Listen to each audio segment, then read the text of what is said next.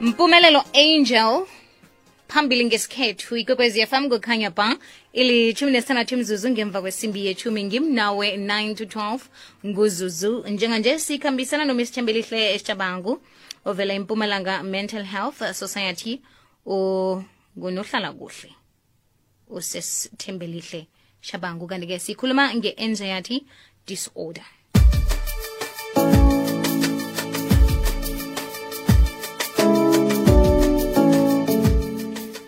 sesithembelihle siyakulotshisa siyathokoza bona ube nathi namhlanje emhatshweni kwekwezi FM uvukile? Ngivukile sesi ngithanda nokubingelela abalaleli emakhaya.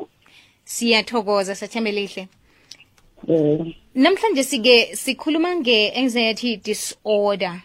Um iyini kuhle kuhle sesithembelihle siba usihlathululele. Well i-anxiety disorder kuthuka loku lokwendlulele ngesilungu but excessive fear uh, lapho umuntu angatithola khona angakhoni ukuphefumula kahle achachathela angakhoni ukukhuluma nenhlitiyo yakhe ishayela etulu oh okay. Kwenzeka nini lokho namkha kuvame ukwenzeka eh, nini? Vane kwenzekeni emntwini? Eh i-anxiety disorder inokwenteka like uma ngabe kunendo loyisabako ngingente nje fonele nge-social phobia. I-social phobia kusaba kuba sendaweni lapho kugcwele khona abantu sibonele nje nabangathi hamba uthula inkulumo elihlwele like embi kwebantu labanyengi Mm. uma ngabe une-stage fright or usaba i-public speaking kuyenteka ukuthi before uyofika lapha so awusakhona ukuphefumula kahle sowujulukile sowuyachachazela awusasiboni nje ukuthi ungubani awusadiva nokuthi uthini. Vele ngeke ukugcina umile lapha phambi kwabantu ungathi na uma lapha u- uculeke Mm, Pain. mm. eh sometimes kuba ne- nelona siyibita ukuthi i-claustrophobia. Lapho umuntu asaba khona kuba setindaweni letivalelekile njengemalifti nemathonela. Mm. bese ngaba futhi ne-paranoia. Lapho umuntu eva ama-voices abona nebantu labanye labangababoni mara abe nalo mcondo lo wokuthi kunebantu labafuna kungilimata nokuva wathi umuntu ubona abantu kunebantu labathi bafuna kumbulala lanithi nayilandzela indzaba yakhona bobani laba labafuna ukubulala? Akabadi.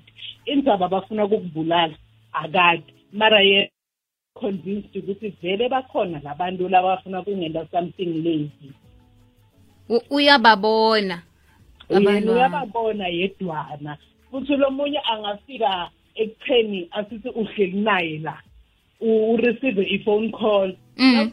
drobha nakangena yena la athi ya udrobhelani wena nguwele osebenzisana nalabantu yo. Wena awati lutho. Umangale ukuthi manje lo muntu sonjani and loko kungamlibela ekutheni agcine anelidlame. So so ungacabanga nje ukuthi uma sekunelidlame la ekhaya niphilisana njani. Akusabi nokuthula. So sesithembelihle sithi siphila kuhle nje um impilo ngendlela ejayelekileko.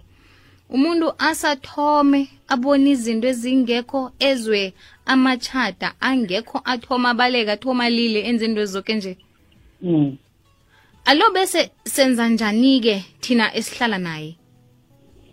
Thina abantu lesihlala naye ngoba esikhathini esiningi kuba mndeni. Angithi umuntu niyamathi ukuthi okay thembelihle muntu lo so udiphatha so nasaqala adiphatha ngendlela lesinax lengakajwayeleki netibuta ukuthi kwendakalani selapho ngilani buka khona letimpawu talo muntu asithi nje lo muntu uba nalokuthi uhlala asaba ubona labo bantu inhlitiyo ishayele etulu uyajuluka angithi niyambona niyamfunza lo muntu.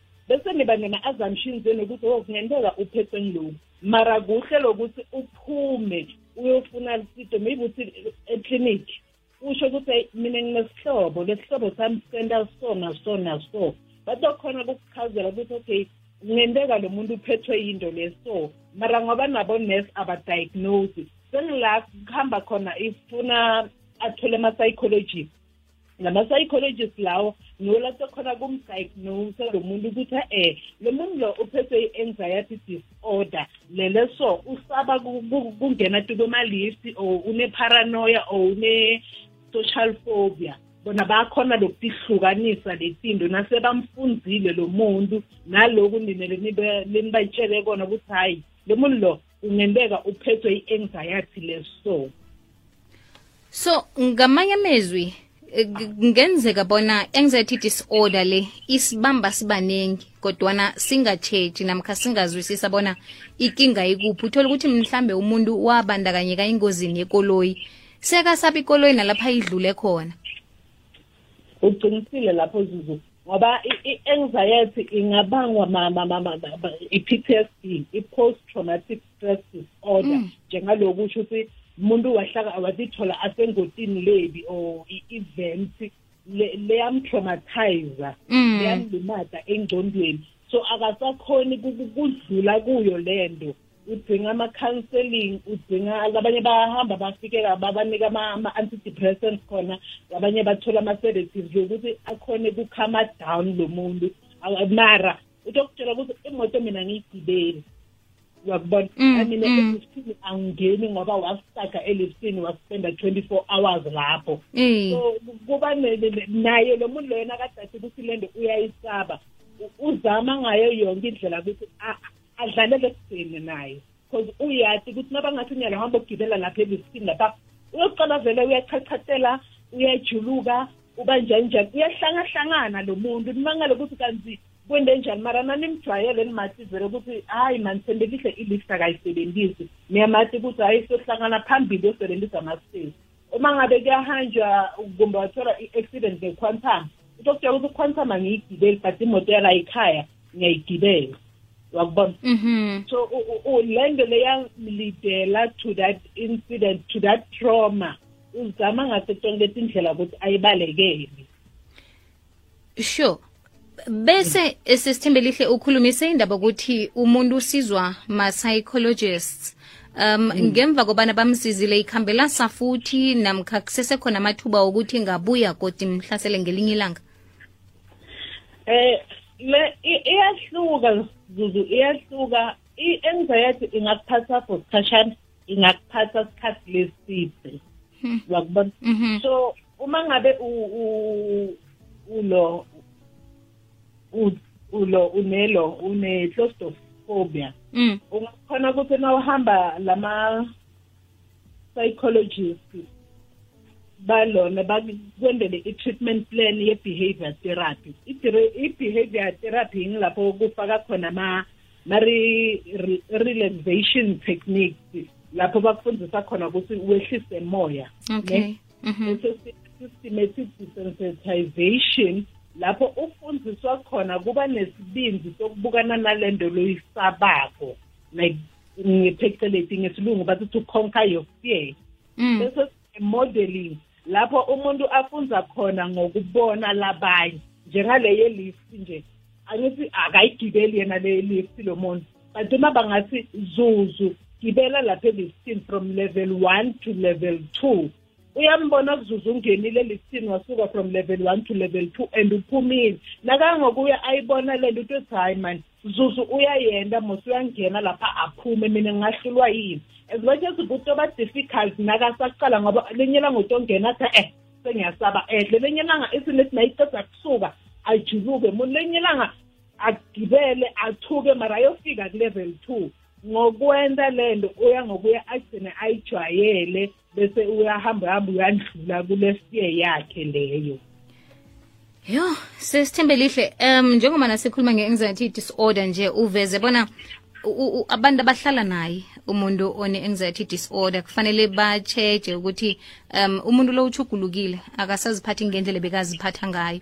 Manje sike nange ngine-anxiety disorder umuntu ochidelene nami akwenzeki ukuthi naye agcine selanenkinga efanako nasele ngipholile mhlambe sengidlulile lapho uyakhona ukuzwisisa ukuthi hawa sekulungile sengibuyele esigeni namkha uzokusolo asaba mina naye. Akusiyo kodwa anxiety disorder seyiragela phambili komunye umuntu. Eh eh i-anxiety disorder ayiphathelani ngaloko. Unless ke sekungafika la ekutheni into maybe ayikavani nakhona lokuthi ibetukwe ama-genes yabona? Ne-environment kufuna sikhumbule ukuthi nayo iya-contributor kuma-anxiety disorder njengalabo PTSD uyakubona mara yona ayithathelani ngokuthi ngoba mina ngihlala nazuzu sengiyagula lo lokugula lokungiphethe bese iyangithathela. Unless njengaloku nisho ukuthi uma ngabe yinto lesi kuma-genes ethu. Uyakubona mara ayithathelani ngokuthi ngihleli nazuzu eh Okay. So njengomana emphakathini nje enaheni yeSouth Africa uyabona bona kwenzekani?